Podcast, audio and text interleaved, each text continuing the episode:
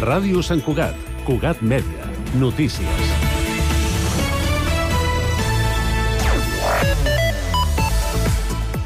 Bona tarda. Els grups municipals coincideixen. Sant Cugat necessita més recursos sanitaris. Però quins? La moció presentada pel PP s'ha aprovat amb les esmenes de l'equip de govern del PSC i de la CUP. El text insta la Conselleria de Salut de la Generalitat a fer una valoració de les necessitats d'equipaments sanitaris a Sant Cugat atenent el creixement de la població. Entre aquestes necessitats, la moció situa el quart CAP per donar servei al barri de Sant Francesc Monestir. Amb tot, però, finalment, la moció, amb les esmenes, ha comptat amb el suport de, de l'equip de govern, el PSC i la CUP, però el PP que, va ser el, que ha sigut el proposant de la moció, s'hi ha abstingut en considerar que les esmenes de l'equip de govern desvirtuen el seu text original que reclamava únicament el quart cap. Tot i així, la regidora del PP, Estrella Salanova, ha insistit en el fet que Sant Cugat té uns equipaments i serveis sanitaris insuficients. I quan diem uns centres del tot insuficients per donar servei adequat a la població, ens reafirmem. Ara mateix, per exemple, no compleixen amb el requisit de proximitat. Diferents especialitats i insuficients a cada cap. Insuficient servei d'urgències de pediatria. El delit de Sant Cugat per Martí i Pol s'ha fet notar de nou a l'obertura del Festival Nacional de Poesia a Sant Cugat. Un teatre auditori ple a vessar ha reunit els amants de la poesia i en especial els lectors del poeta de Roda de Ter. Jordi Lara ha signat l'espectacle Tot el que puguem dir, un recital dedicat a Martí i Pol que ha barrejat diferents disciplines a la mà de figures com Tortell Poltrona, Gemma Humet, Montse Soto i Carlota Gurt. Videoart, recital i rialles han donat una nova dimensió al llegat de Martí i Pol en els 20 anys de la seva mort. L'edició número 23 del festival ha estat una crida a enaltir la paraula, perquè més enllà de la poesia res. Amb aquesta cita de Marta Pessarrodona, l'alcalde Josep Maria Vallès ha posat en valor el festival com un bressol català de la poesia. El tema de la poesia sembla la, la germana petita, la cosina petita, i en el cas de Sant Cugat no és així. Jo crec que és la feina que ja ha feta de fa molts anys a Sant Cugat, que va ser un primer festival de poesia de Sant Cugat i que després va agafar l'àmbit de nacional. I això li dona una certa rellevància a nom de, de país. I per tant, jo crec que això ajuda molt a que sigui molta la gent, no només de Sant Cugat, sinó de fora de Sant Cugat, que vulgui participar en aquest festival de poesia. La revolta, la cursa ciclista femenina marxa de Sant Cugat després de tres edicions consecutives a la nostra ciutat per la complexa situació econòmica que viu la institució, segons ha confirmat l'Ajuntament a través d'un comunicat. La informació torna a Ràdio Sant Cugat d'aquí una hora. Cugat Mèdia, la informació de referència a Sant Cugat. 4 i 3 minuts. Comença el Connectats.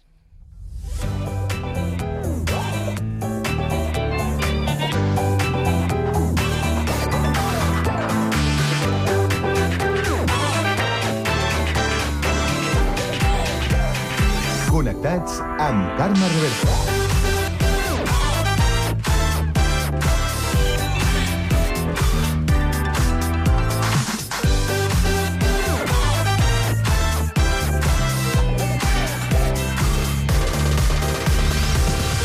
Molt bona tarda, salutacions i benvinguts un dia més al magazín de tarda de la xarxa al Connectats de l'àrea metropolitana de Barcelona que fem Ràdio Sant Cugat, Ràdio Sabadell, la Ràdio Municipal de Terrassa, el Prat Ràdio, Ràdio Ciutat de Badalona i Ràdio Castellà. Una salutació de tot l'equip conduït a la part tècnica per Pablo Palenzuela, Jessica Rius a la producció i de qui us parla, Carme Reverte. Avui és dimecres, 18 d'octubre, i volem saber quin temps ens espera aquesta tarda. Lluís Mi Pérez. Un dimecres que s'està comportant amb variabilitat. Aquest matí hem tingut alguns ruixats dispersos, sobretot en alguns municipis de Tarragona, del sud de Lleida, de l'àrea metropolitana de Barcelona, però moltes altres viles no s'han enterat d'aquesta precipitació. I, de fet, la tendència d'aquestes immediates hores és que el cel s'obri força. Només quedaran alguns núvols una mica més gruixuts a les comarques del Pirineu de Lleida, sobretot al Prepirineu. En canvi, núvols més trencats a prop del mar o sobretot a les comarques de Girona. Demarcació en la que pujarà força la temperatura temperatura. Avui arribarem a fregar els 30 graus en algunes viles gironines, tot provocat per un vent de garbí, que cada vegada bufarà més intens. Compte perquè hi haurà mala mar. El dijous torna a venir un altre canvi de situació que sobretot ens afectarà en forma de molt de vent de mala nit. Un vent que farà que hi hagi un temporal dur de mar. També ben fort a gran part de Girona i de mala nit pluges generals a tot el país. Us seguirem a la xarxa. Bé, doncs avui al Connectats parlarem de la directiva europea de l'amiant. Entrevistarem Jaume Cortés, advocat del col·lectiu Ronda. I acabarem aquesta primera hora amb la tertúlia generalista. Ho farem per parlar del conflicte entre Israel i Hamas i de la integració tarifària del transport públic. A partir de les 5 coneixerem el pretenc Joel Esteban, pilot de motociclisme. Continuarem amb gastronomia i aprofitarem per anar a plaça a veure quins productes de temporada trobem. Acabarem amb un nou espai i un nou episodi del Coses d'Antes. A Muriel Carreras Terrades i Sergi Estapé. Tot això i més, des d'ara i fins a les 6 de la tarda, a la vostra emissora local. Connectats? Comencem!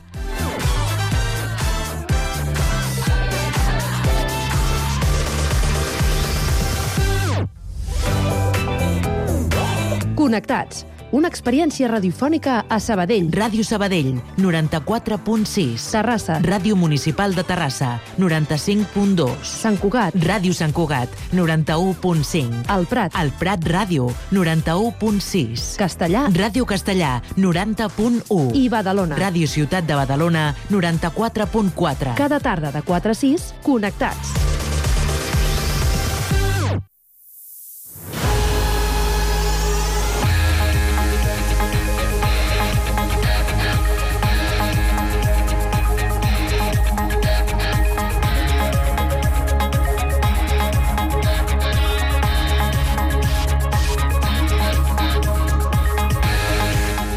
4 i 6 minuts ens actualitzem. Ho fem amb la ronda informativa que obrim avui també per Terrassa. Sergi Estapé, bona tarda.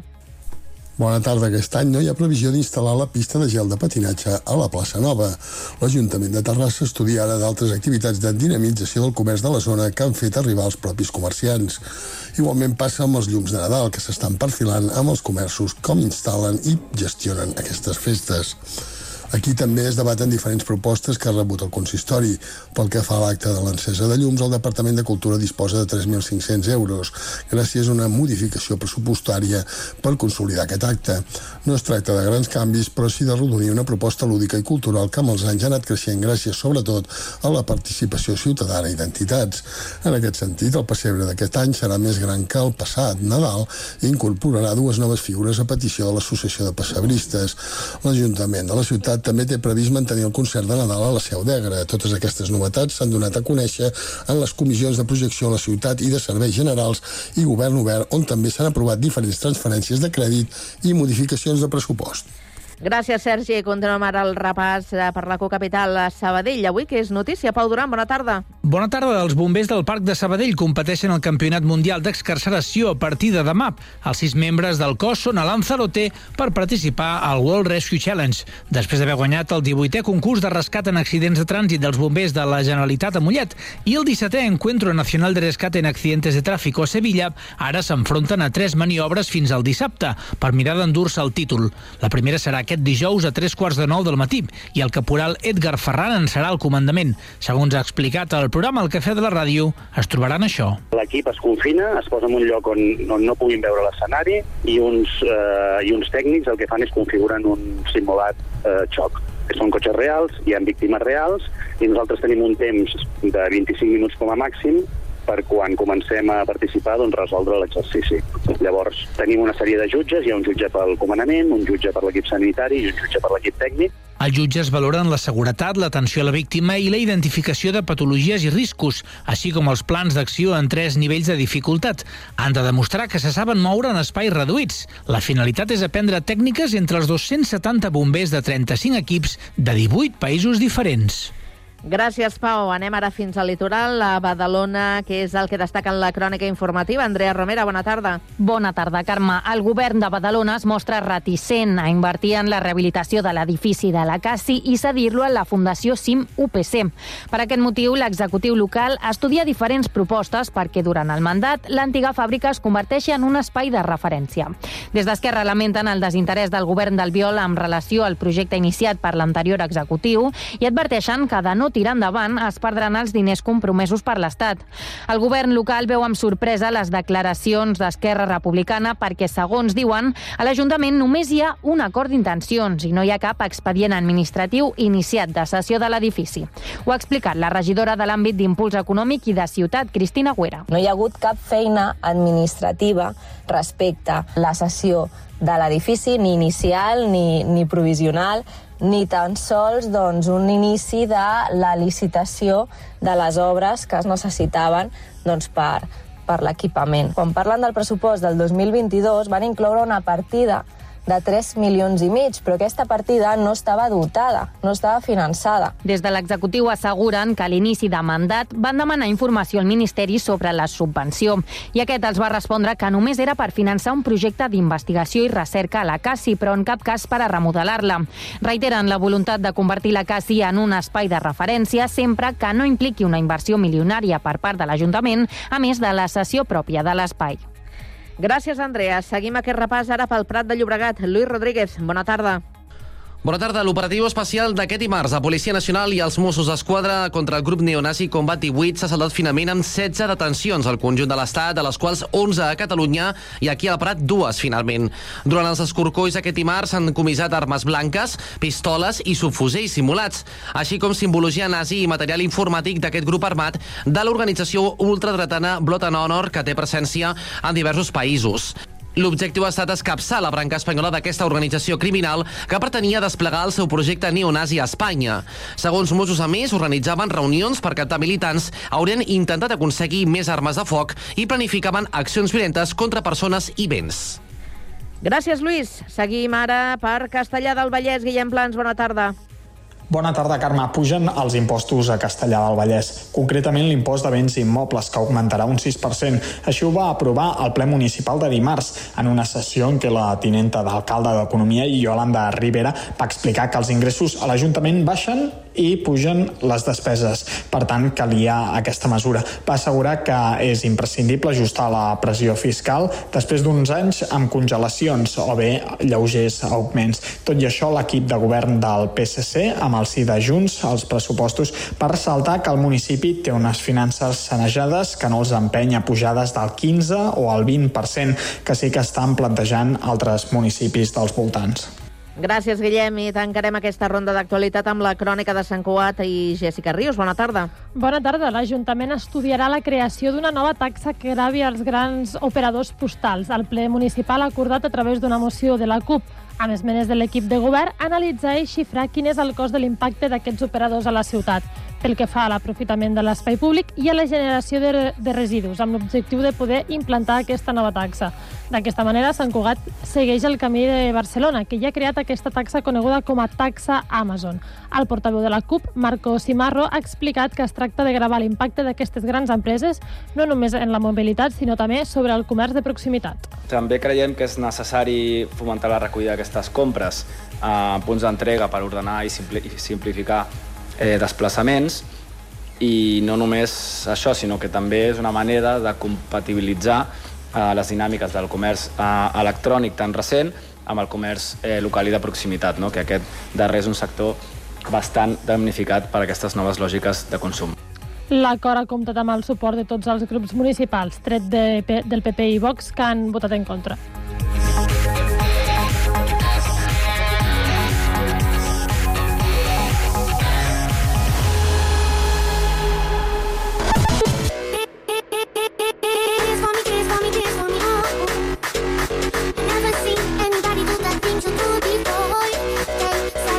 Connectats, una experiència radiofònica a Sabadell, Terrassa, Sant Cugat, El Prat, Castellà i Badalona.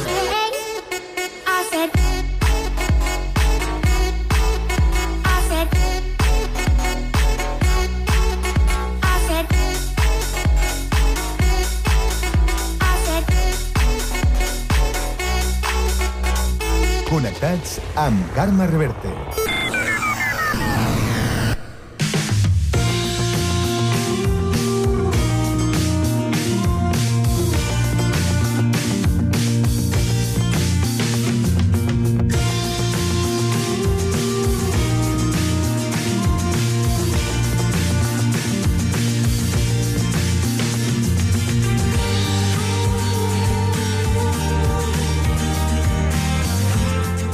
El Consell de la Unió Europea i el Parlament Europeu han arribat a un acord eh, provisional per tirar endavant una directiva que redueixi l'exposició a l'amiant per millorar la protecció del i les treballadores. Es tracta d'una norma que obligarà als estats membres a reduir el límit màxim d'exposició a l'amiant als llocs de feina de 0,1 fibres d'amiant per centímetre quadrat a 10 vegades menys.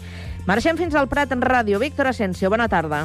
Bona tarda. Això vol dir que s'hauran de millorar els sistemes de detecció d'aquests elements als edificis ja construïts i retirar-lo en cas que se superi aquest llindar. Per valorar aquesta futura directiva, saludem Jaume Cortés, advocat del col·lectiu Ronda, que des de fa molts anys ha vehiculat les demandes de les víctimes afectades per l'amiant. Bona tarda, senyor Cortés. Hola, bona tarda. Abans de res, hem de recordar que l'amiant o l'asbest és un mineral fibrós que s'ha fet servir durant molts anys en l'àmbit de la construcció eh, per fer canonades, per exemple, o per altres elements com els eh, sostres de fibrociment, també coneguts per Uralita, pel nom de l'empresa que, que els fabricava aquí a Espanya. Aquest material està relacionat amb prop del 80% dels càncers que es donen en l'àmbit laboral. I, de fet, també, segons la, la Unió Europea, es calcula que més de 70.000 persones l'any es troben en risc de mort imminent a Europa per eh, amiant. Parlem, doncs, d'un element de risc en l'àmbit laboral que molta gent hi conviu, moltes vegades sense saber-ho, perquè són materials que a vegades no, no es troben a, a, a primera vista, sinó que estan a darrere, no? estan ocults per alguns elements arquitectònics dels propis edificis. El primer que li volia preguntar és si creu que aquesta directiva pot beneficiar realment la salut de les persones treballadores. Sí, en primer lloc, no, el que s'ha publicat ara no és la directiva, sinó que és la resolució del Parlament Europeu amb la intenció de modificar o actualitzar la directiva dos, de 2009 de les 148 de la Comunitat Europea. És a dir, és un altre intent per unificar les normatives de protecció dels treballadors al risc de l'amiant i va més enllà de la protecció dels treballadors, sinó també a la protecció de, de la ciutadania.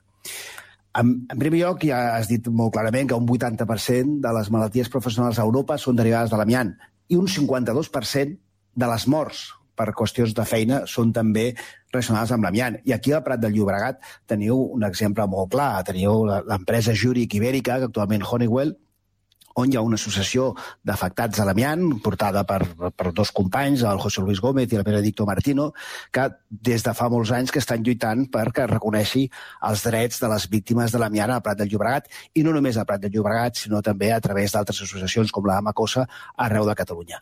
Primer que hem de dir és que a Catalunya estem liderant aquesta desamientació de, de la població. És a dir, anem per endavant inclús d'aquesta directiva europea. Però, per sort, el Parlament Europeu i a través de la modificació de la directiva, el que s'està fent a Catalunya es voldrà extendre i obligar al resta de l'estat espanyol i al resta de la comunitat europea.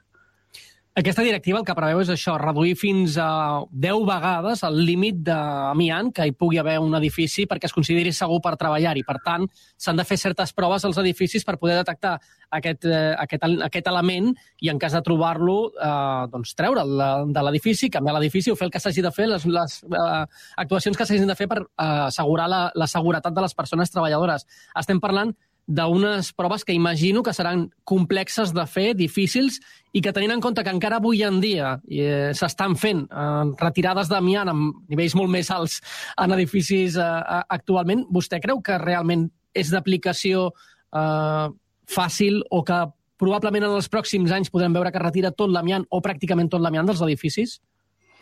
Sí, aquesta directiva parla de, tres qüestions. Primer, dels treballadors que han treballat amb amiant, però clar, es va prohibir l'amiant a l'estat espanyol el 2005. Per tant, són empreses anteriors.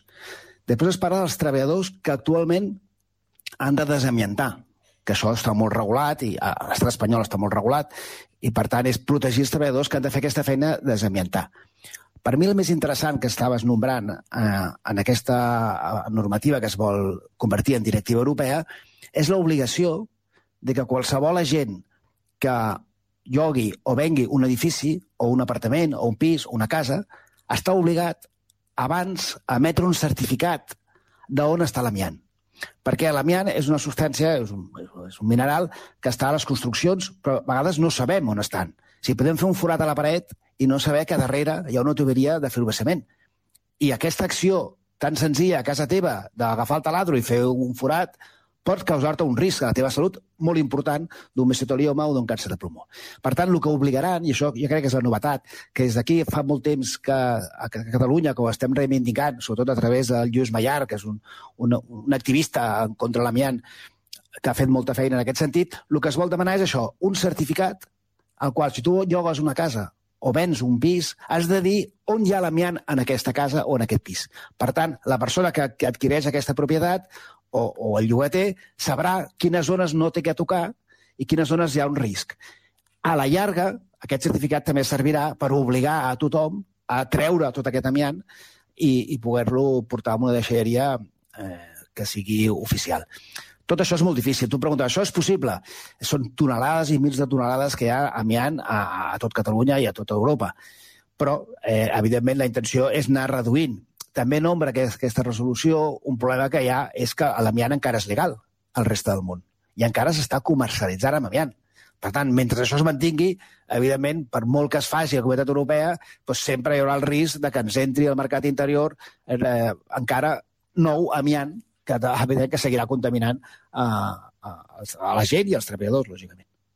La directiva el que vol és que els estats apliquin aquesta normativa, s'aprovi, evidentment cada estat haurà d'adaptar-la a la seva realitat, però aquí hi ha una, un fet que és innegable i és la manca, moltes vegades, de control i de mitjans de control que hi ha eh, als estats per dur a terme les normatives. És a dir, per exemple, vostè diu, està molt regulat eh, com s'ha de fer la retirada d'amiant de, per exemple, una obra o d'un edifici, però no és, eh, no és poc habitual veure a vegades eh, notícies o informacions de que s'ha fet una retirada mal feta d'amiant perquè moltes vegades les empreses no apliquen bé aquesta normativa, no protegeixen prou a les persones treballadores i no hi ha ningú o no hi ha mitjans per poder controlar que es facin bé aquestes coses.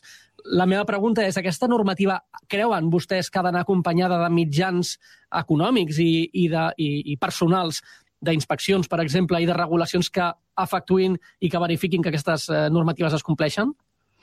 A veure, eh, ja hi són. El que passa que, evidentment, segur que es poden millorar i es poden dotar més mitjans i, sobretot, doncs, dotar més mitjans i més possibilitats a la inspecció de treball, perquè, en definitiva, tota, totes les accions de desamiantat han de passar per la inspecció de treball, han de ser empreses autoritzades, han de tenir uns controls de prevenció de riscos i, evidentment, l'organisme oficial per controlar que es compleixin és la inspecció de treball però evidentment una inspecció de treball que de tota la feina que té se li afegeix tota aquesta altra feina.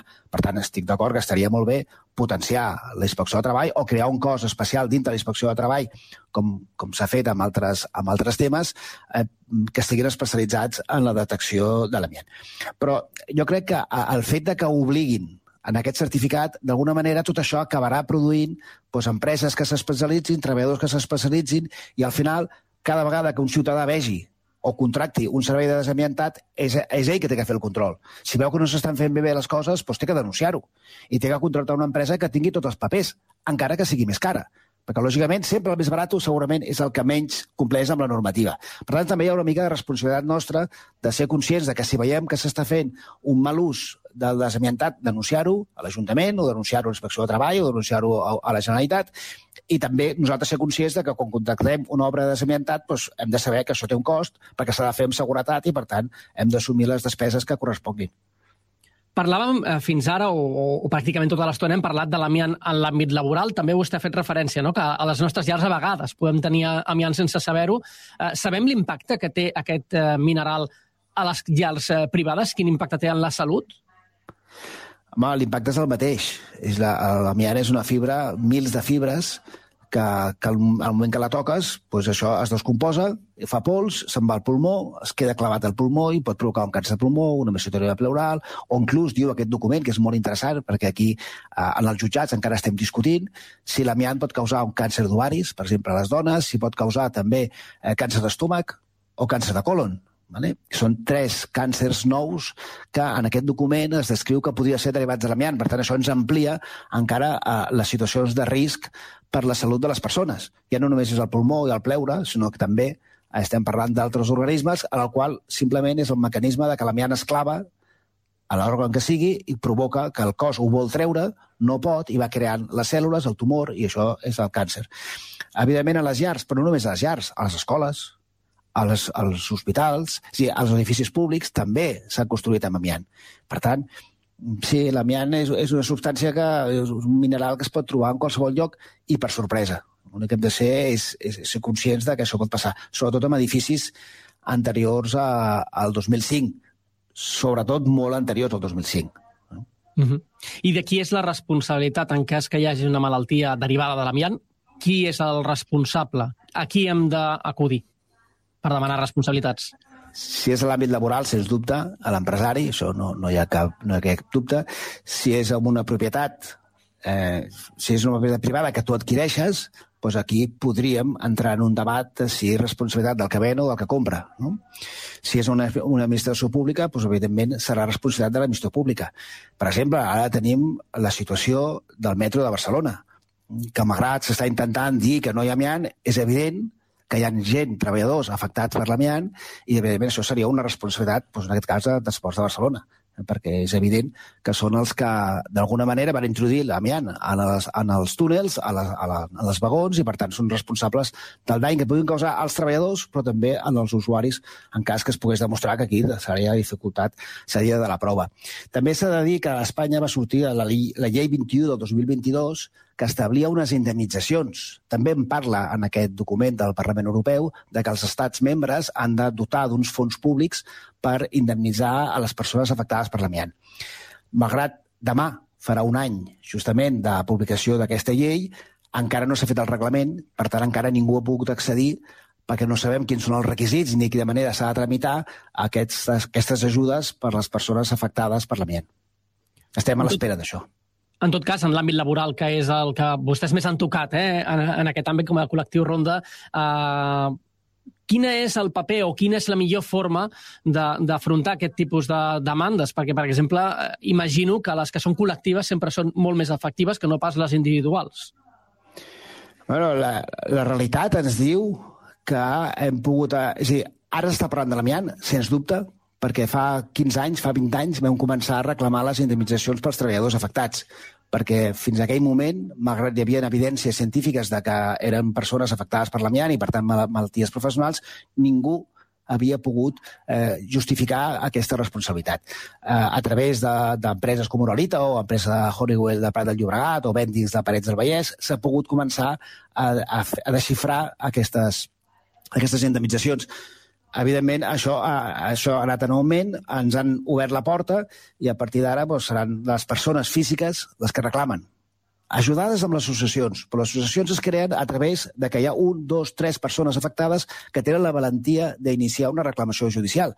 Però al final són reclamacions individuals, que posteriorment es col·lectivitzen fins que existeixi aquesta directiva, fins que s'apliqui, es comenci a aplicar. Recordem que la directiva, més, dona un marge de fins a sis anys per començar a aplicar moltes de, de les coses que preveu eh, que tindrà aquesta directiva perquè els estats s'hi puguin adaptar.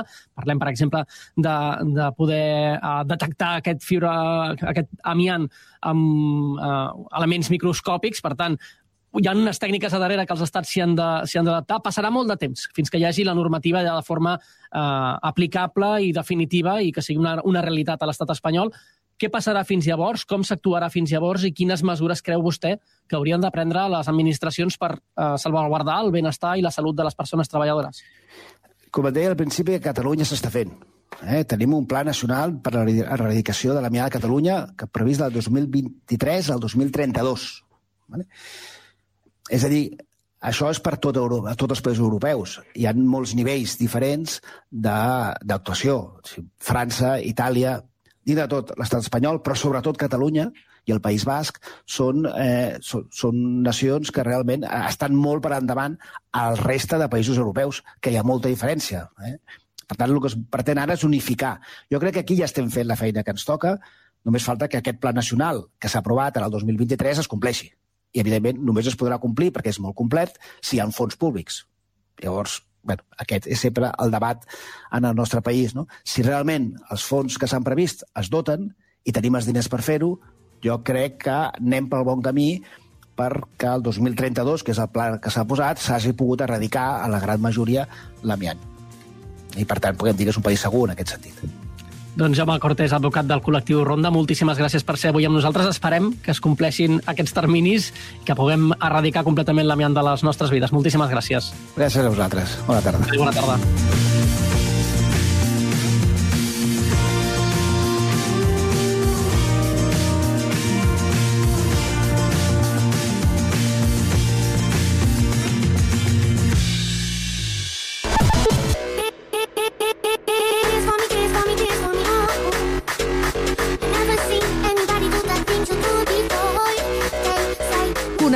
Una experiència radiofònica a Sabadell, Terrassa, Sant Cugat, El Prat, Castellà i Badalona.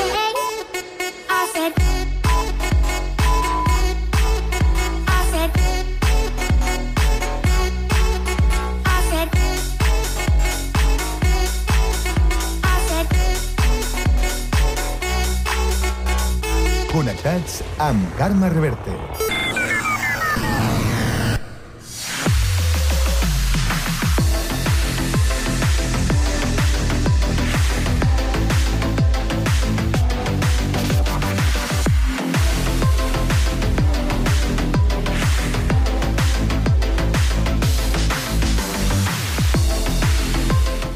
Quarts de cinc de la tarda arribem molt puntuals a la cita amb la nostra tertúlia, aquest espai d'opinió que avui compartirem amb el Juan Miñarro, que és mestre industrial, i ja el tenim a punt al Prat. Juan, bona tarda.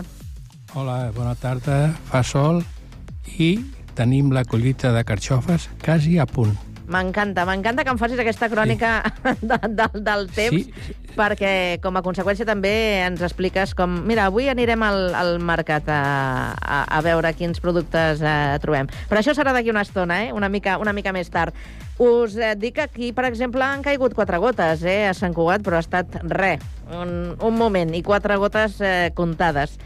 Eh, anem a comprovar, a veure com, eh, com està el temps també a Castellà. Josep Asensio, professor i director del programa Talcom Raja, com estàs? Bona tarda.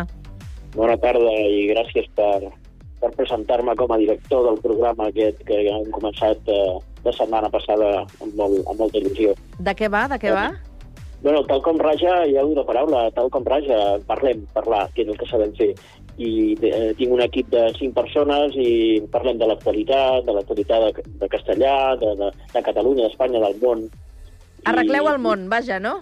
Eh, sí, a veure, intentem donar la nostra visió, sí, és el que, el que fem. No, no arreglem res, no.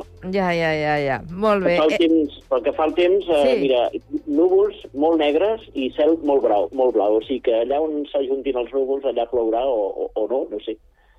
Mm, sí, fa pinta, eh? Estem allà, ja, com deia abans, quatre gotes, però no d'aquí em sembla que no passarem, almenys avui, no ho sé. Eh? Anem a Badalona. Rocío Mateos, activista i feminista, regidora en l'oposició a l'Ajuntament de Badalona. Què tal, Rocío? Bona tarda. Molt bé, molt bona tarda a tothom. Pues te digo el tiempo que hace aquí en Badalona sí, cuando he home, i entrado Així estudio. completem la roda, ja.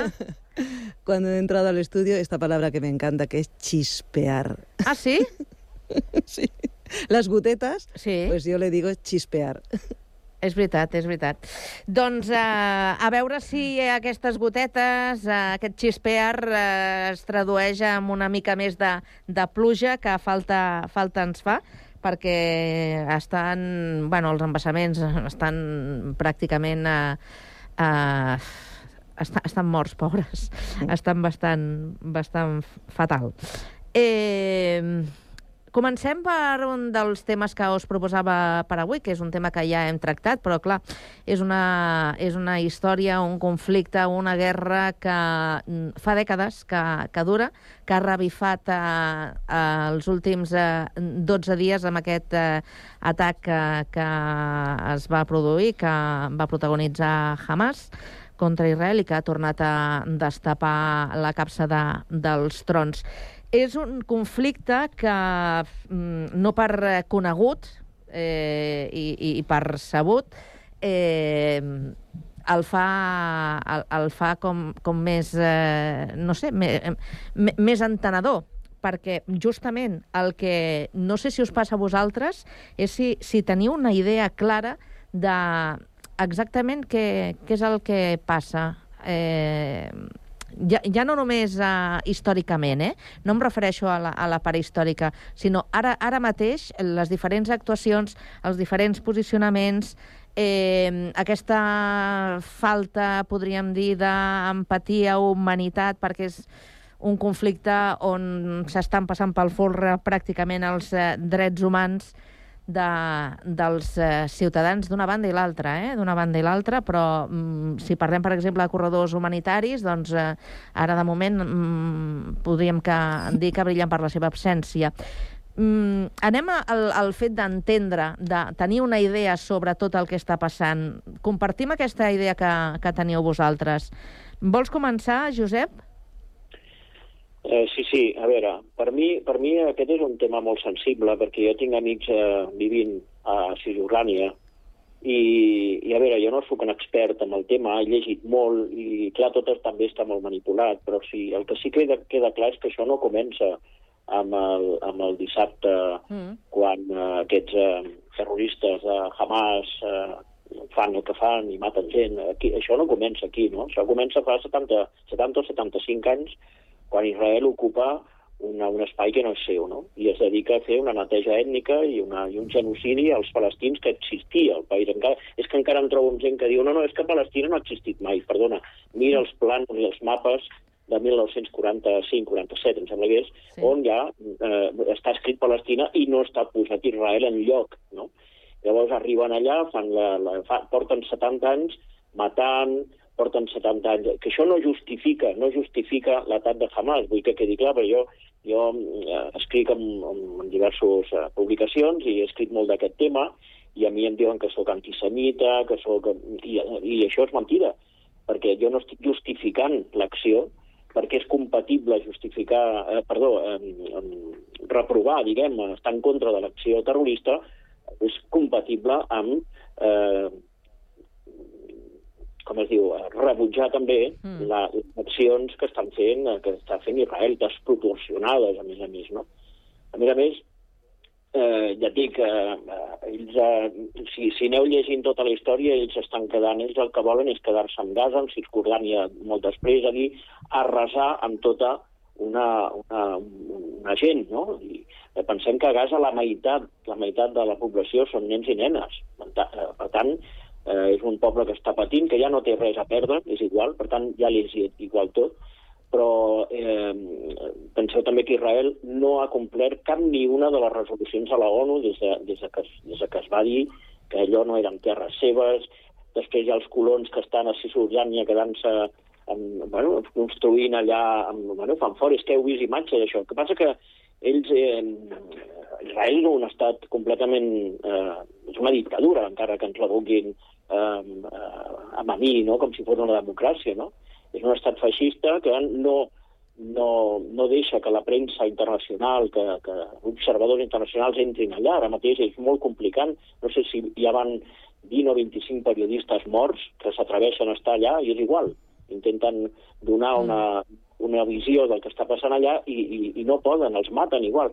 Ara hem de creure que allò va ser un míssil, allò de l'hospital, malauradament un míssil de Hamas que es va desviar. Ara hem de creure això quan porten 75 anys matant, eh, destruint escoles de, de, les, de les Nacions Unides. Ara hem de creure això.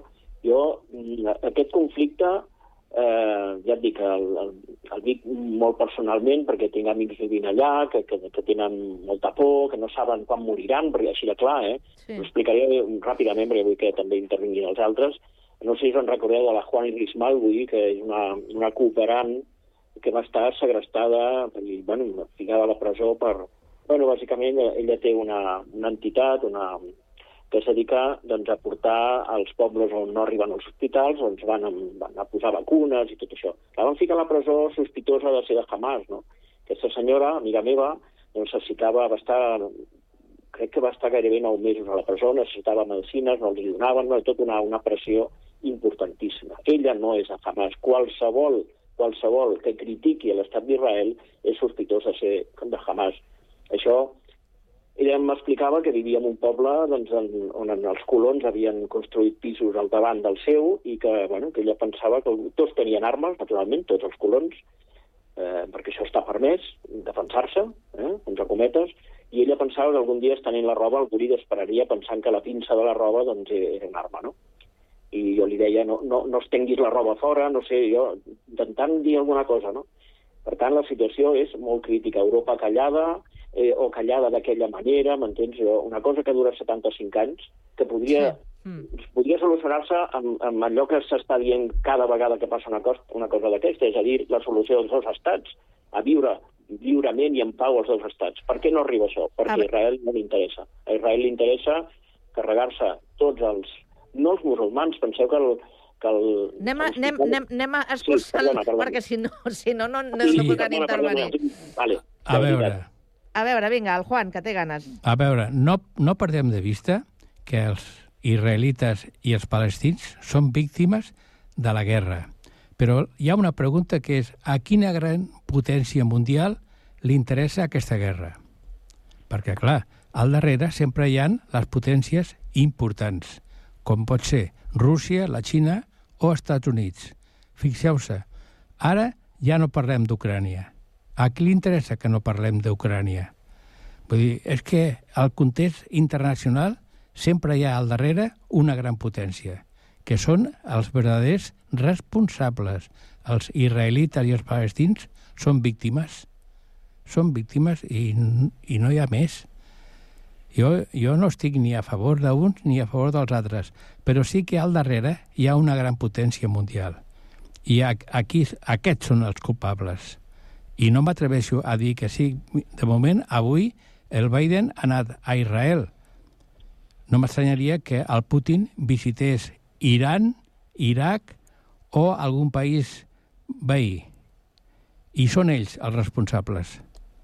Tu, Juan, Després, Juan veus, veus alguna solució? No, jo a, a curt termini no.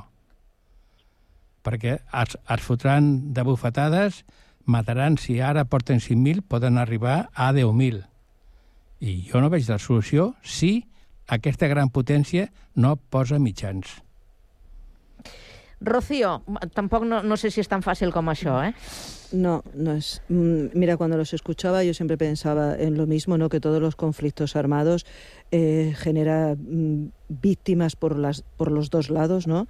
Siempre, siempre, o sea, siempre y siempre los ciudadanos son los de a pie, como yo di digo, son los que sufren las consecuencias y todo el entorno que conlleva esto, pues su seguiremos sufriendo las consecuencias, ¿no? Pero dentro de, de, estos conflictos mm, armados, yo creo que lo que verdaderamente a mí me impacta no es la grave crisis humanitaria, ¿no? O sea, cómo, cómo, se, cómo mm, solucionamos este terrible problema, ¿no? La ayuda, o sea, ¿cómo llega si, si, si, no, si no, se, no podemos acceder ni, ni a, ni, a, entregar esta ayuda, ¿no? Y con lo que están pasando allí.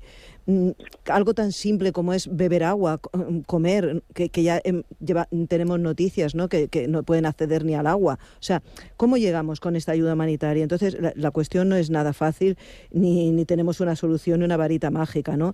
Y solo nos queda, pues eso, la fuerza que tiene la Unión Europea para poder, para poder detener esta violencia, porque es que es que no nos queda otra. O sea, los países que forman la Unión Europea tendrán que, que, que, que reunirse, tendrán que, que hacer algo para que esto se pueda llevar a término.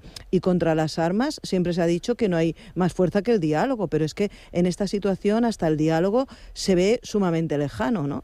Pero es que no, no tenemos otra, porque es que no podemos luchar contra los misiles, o sea, los misiles arrasarían todo, tanto por una banda como por la otra, y yo creo que ante esta situación que llevamos tantos y tantos años, lo único que queda es el diálogo, es que no nos queda otra. Y después, como mujer, como de haber estado tantos años al lado de las mujeres en, en organizaciones, siempre digo lo mismo, siempre, siempre, aunque suframos todos, quien más sufre son los niños y las mujeres. O sea que todavía se, se agrava más ¿no? las situaciones a la hora de los movimientos, a la hora de, de, dónde acogen a estas personas, ¿no? También dicen, no, es que no podemos acoger porque serán miles y miles y miles de personas. O sea, es que es un círculo tan sumamente cerrado que a mí cada vez me da más miedo. Y me da más miedo porque no se queda aquí. O sea, cada vez que hay un conflicto armado, esto revierte sobre todo, ¿eh? Sobre todo lo demás. Entonces, me está dando cada vez muchísimo más miedo todos los conflictos armados que se están originando a nivel del mundo. Eh, Josep, tu abans apuntaves la possible solució amb el reconeixement de, dels dos estats.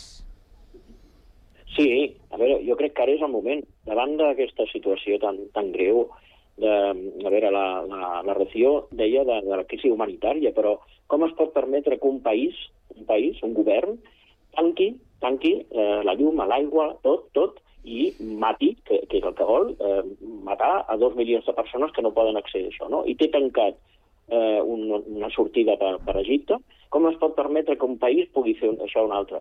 Això, si, si Rússia, per exemple, ataqués, bueno, ja ha passat, eh, ataqués una escola, ataqués un, una, uh, uh, un edifici civil, sí. ja s'està parlant de portar a Putin al Tribunal de l'AEA i, i crims de guerra i tot això. I el món calla, em dic el món, vull dir, els governs callen quan Israel fa el mateix. O sigui, està destruint escoles, bueno, tot, tota una... És a dir, ha arrasat, si veieu, ha arrasat ciutat, tota la, tot el gran barri sencers de, de Gaza, no? La solució dels estats ja, ja ha arribat. De fet, de fa, fa, ja es parlava això als acords d'Oslo, però al final no s'ha pogut fer, perquè a cada atac de Hamas o alguna cosa, diu, ah, doncs ara ja no teniu els dos estats. És, és tot una, una provocació, no? Jo, jo vull dir una cosa que, que perquè és un conflicte complicat, perquè es barreja la religió amb, amb, amb moltes coses, amb la política. De, de fet, la, la religió és, és una mica l'excusa, eh, també? Sí, sí, sí, està clar que l'altre dia parlava jo amb algun jueu que em deia que, bueno, que, que la seva religió parlava de que s'havia d'arrasar amb els musulmans, i doncs molt bé, anem molt bé, així aconseguirem la pau, no? Però a mi el que em sobta molt és que, que el món, la religió en general, el papa, per exemple, ha, ha parlat. A mi m'agrada molt quan el papa, que és una autoritat, eh, per molts no, no és important, per mi sí, que digui que pari ja, que hi hagi pau, que s'arriba a un acord, que pari d'una banda i de l'altra, no? Mentre que en el món jueu el silenci és molt clarificador de, de tot, no? El silenci dels rabins a les, a les sinagogues, no? De tot el món. O sigui, quan tu dius això, et diuen, clar, és que tu ets antisemita. No, a mi m'agradaria que poguéssim diferenciar entre un estat que es diu Israel i una religió que es diu jueva. I sembla que va tot molt unit. Per tant, mm, em fa pena els jueus del món estiguin callats davant d'una massacre, no? De, de, de, la, de les, que qui sigui, d'una massacre en general, no? I això li fa mal també al, als jueus com a, com a, com a, com a representants, diguem, d'una religió, no? Com a col·lectiu, sí. I això com a col·lectiu. Ah, eh, dèiem abans, eh, parlava la Rocío de conseqüències. A veure, conseqüències que també ens arriben a, a nosaltres i, i ho fa en termes de seguretat, perquè és una, una guerra que vulguem o no, mm, també també ens esquitxa, no? Ja sabeu que el Ministeri de, de l'Interior ha reforçat eh, la seguretat i, i ha pujat a nivell 4 doncs, aquesta seguretat per possibles atacs terroristes. Eh, de fet, a, a, a França no sé si ha estat avui que han hagut de desallotjar eh, alguns aeroports i, i vaja... Sí, dos, museus, dos aeroports. Sí. Clar, estem parlant sí, de la sí. seguretat, però és que aquesta seguretat en sí. qualsevol eh, país europeu, eh? parlem d'Europa, de, eh, es pot produir. França, Alemanya, eh, Espanya... O sigui, són mesures que s'entén que els governs Mm, en aquest cas l'espanyol les, les adopti? Sí, nat naturalment. Penseu una cosa. L'islam predica que cada vegada que matin amb un cristià, si el que mata també el maten amb ell, anirà al cel. I clar, i allò, això és un, un odi que ho tenim col·locat a les nostres vides. Els islamistes eh, quan diuen el, el lobo solitario, n'hi han per tot arreu. I qualsevol dia pot fer qualsevol animalada. I les faran. Però jo vaig a fer una pregunta. Si Estats Units i Rússia volguessin acabar aquest conflicte, l'acabarien. Estic segur. Per què no ho fan? Doncs perquè hi ha molts interessos. Al darrere hi ha interessos econòmics, el petroli, eh, la aterrissada que fan els russos i els xinos a tot Orient i, i Àfrica, tot, tot això, tot això està, està connectat. Els pobres que paguen les conseqüències en aquest moment són els israelites i els palestins. Però no oblideu els terroristes de Hamas. No oblideu perquè també deixa'ls anar, eh?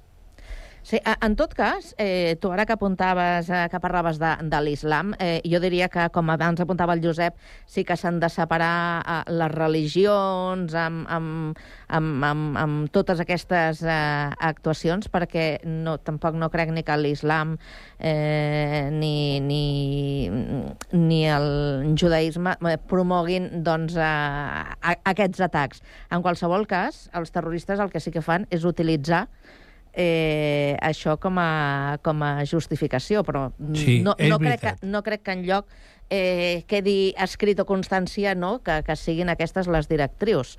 És a dir, la, la religió de per si no, no, no, és, no és el mal, no és el mal, sinó la, la interpretació i la utilització que, que se'n fa. Eh, ara ja, ja m'he perdut, eh, després de, després d'això. De, eh, però vaja, eh, parlàvem de la seguretat, no? de, de com ens afecta a nosaltres i d'aquesta sensació, bueno, de fet, eh, si us en recordeu, no? dels atemptats de, de l'11S, que eh, el tema de la sí. seguretat doncs, va afectar mundialment eh, i durant, durant molts anys eh, tornem a estar en una situació d'alarma. Bueno, sobre, sobre, sobretot sobretot als aeroports. Recordeu que abans als aeroports arribaves amb una hora abans del, del vol i marxaves. Ara eren dues hores. Control, les aigues, les botelles, els perfums... Ara, últimament, es havia relaxat una mica, però penseu que a partir d'aquest moment els aeroports tornaran a fer uns controls rigorosos. I això què vol dir?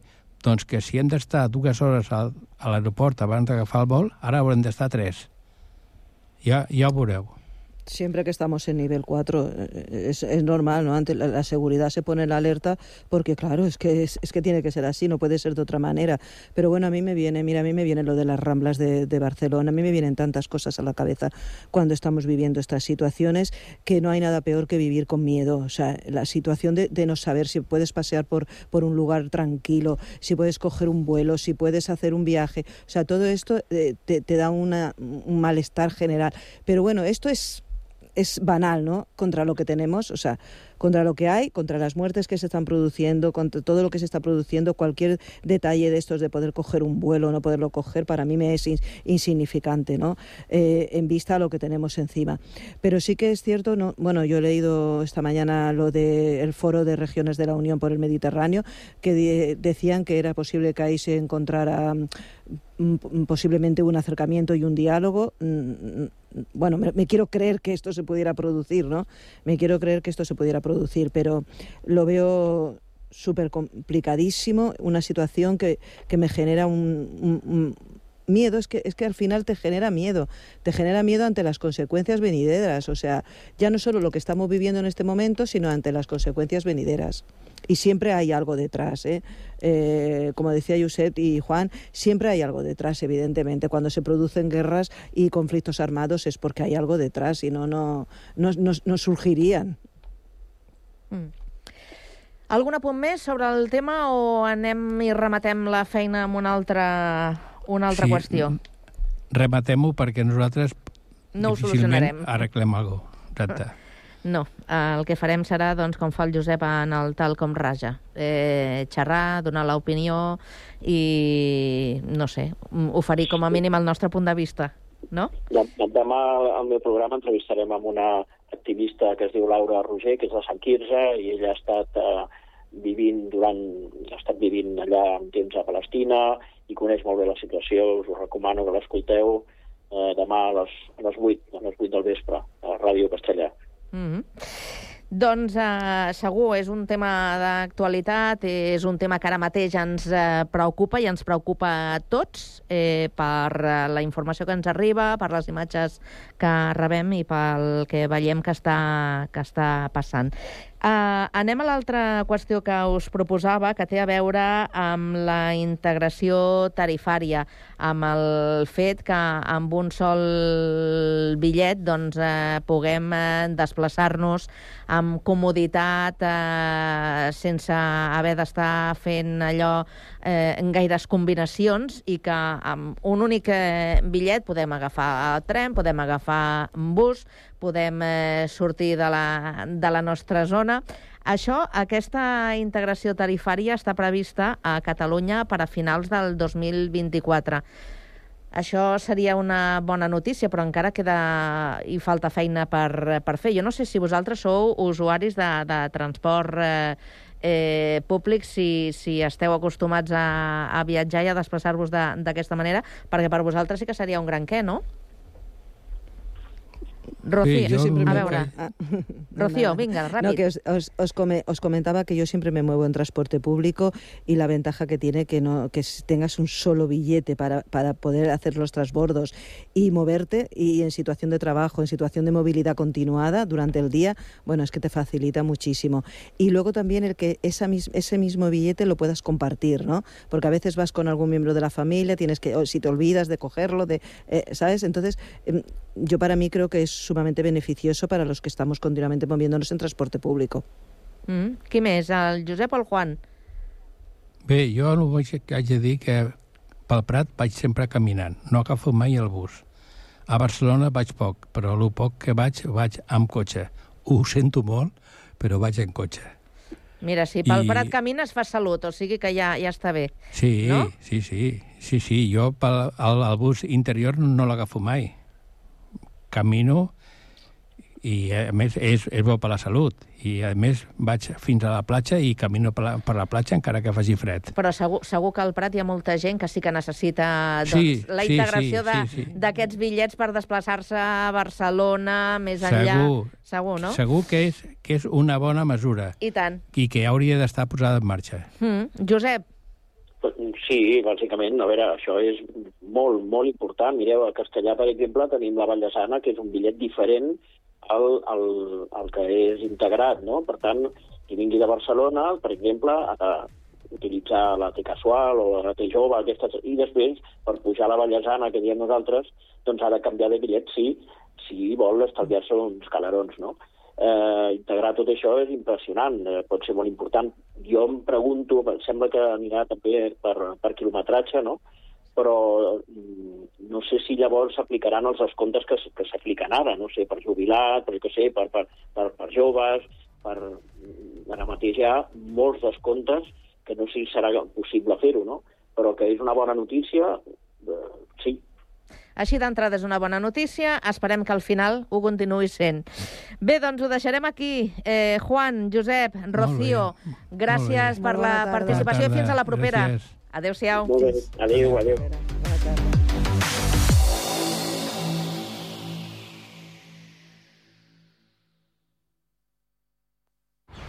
Estàs pensant en posar plaques solars a casa teva?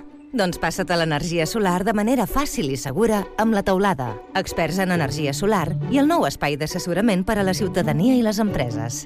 Informa't a la teulada arroba amb.cat o contacta'ns per WhatsApp al 645 725 465. La teulada és un servei de l'AMB finançat amb el Fons Europeu de Desenvolupament Regional.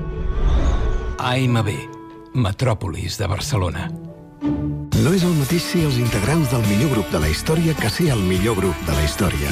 Per això, el grup català Occident serem Occident, perquè per continuar assegurant-ho tot, tot i tot, ens havíem d'ajuntar tots, tots i tots. Entra a seremoccident.cat. Hola, buenos días. Somos el programa Partú de Talleres Yainu de Moragas, la radio San Cugat. Buenos días, yo soy Rosa. Yo soy Alba. Ana. Yo soy Adriana. Javi. Lalo. Muy bien, chicos. Pues venga, adelante, Adriana, con nuestra primera sección. Una competición de fútbol inclusivo formado por personas con diversidad funcional de varias entidades. El reciclaje es vital para conservar nuestro planeta. Per tu, a Ràdio Sant Cugat i a Cugat.cat, amb el taller Jeroni de Moragas. Hasta luego, cocodrilo. El programa Cocodril Club arriba als 30 anys en antena. Vine a la festa d'aniversari. La celebrarem el diumenge 22 d'octubre de 18 a 22 hores a la discoteca Barrocos, Aribau 242 Barcelona, amb les cançons que més us agrada ballar de tots els temps. Actuaran com a padrins Leslie del Cirex Maldigo mi destino. Mi estrella se eclipsó. i Santi Carulla dels Mustang. El diumenge 22 a partir de les 6 de la tarda a la discoteca Barrocos Aribau 242 de Barcelona 30 anys de ràdio 30 anys plens de bona música 30 anys de... Cocodril Club, el programa revival de l'Albert Malla. Hasta luego, cocodrilo. No és el mateix ser els integrants del millor grup de la història que ser el millor grup de la història. Per això, el grup català Occident serem Occident, perquè per continuar assegurant-ho tot, tot i tot, ens havíem d'ajuntar tots, tots i tots. Entra a seremoccident.cat. Hem sortit al carrer per preguntar als nostres escoltants què els hi semblava la llanterna màgica i això és el que ens han dit. Pues la cosa es así. Verá, es impresionante. Me encanta, me encanta. Mola. Me gusta cómo suena. ¡Qué bonito! Si us agrada el cine i les bandes sonores, vosaltres també podeu formar part dels escoltants de La Llanterna Màgica. Tots els dijous, a les 10 del vespre, La Llanterna Màgica a Ràdio Sant Cugat. Ràdio Sant Cugat.